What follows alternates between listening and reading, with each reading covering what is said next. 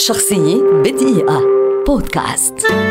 عبد الرحمن الأبنودي شاعر من أشهر وأهم شعراء العامية المصرية ولد في محافظة قنا عام 1938 ترعرع الأبنودي في صعيد مصر فتعرف إلى تراث المنطقة وثقافتها واستمع إلى أشعار السيرة الهلالية وأغانيها فتأثر بذلك تأثرا كبيرا.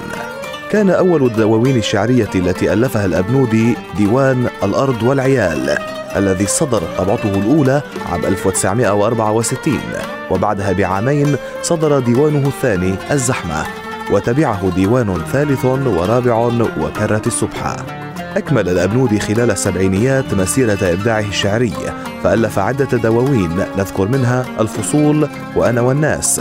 وفي فترة الثمانينيات حقق الأبنودي أشهر إنجازاته عندما تمكن من إصدار السيرة الهلالية بخمسة أجزاء. لم تقتصر مساهمات عبد الرحمن الأبنودي على مجال الشعر فقط بل ألف مجموعة من الأغنيات المشهورة التي ترنم بها مطربو مصر والوطن العربي.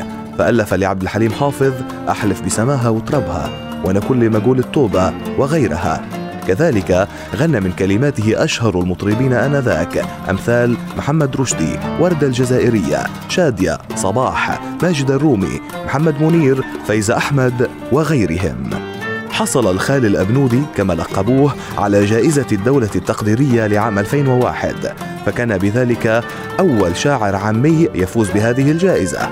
كما فاز أيضا بجائزة محمود درويش للإبداع العربي عام 2014 رحل عبد الرحمن الأبنودي عام 2015 وأقيمت له جنازة عسكرية شارك فيها الآلاف من المواطنين المصريين. وبعد وفاته صدر كتاب الخال الذي يتناول سيرته الذاتية. شخصية بدقيقة. بودكاست.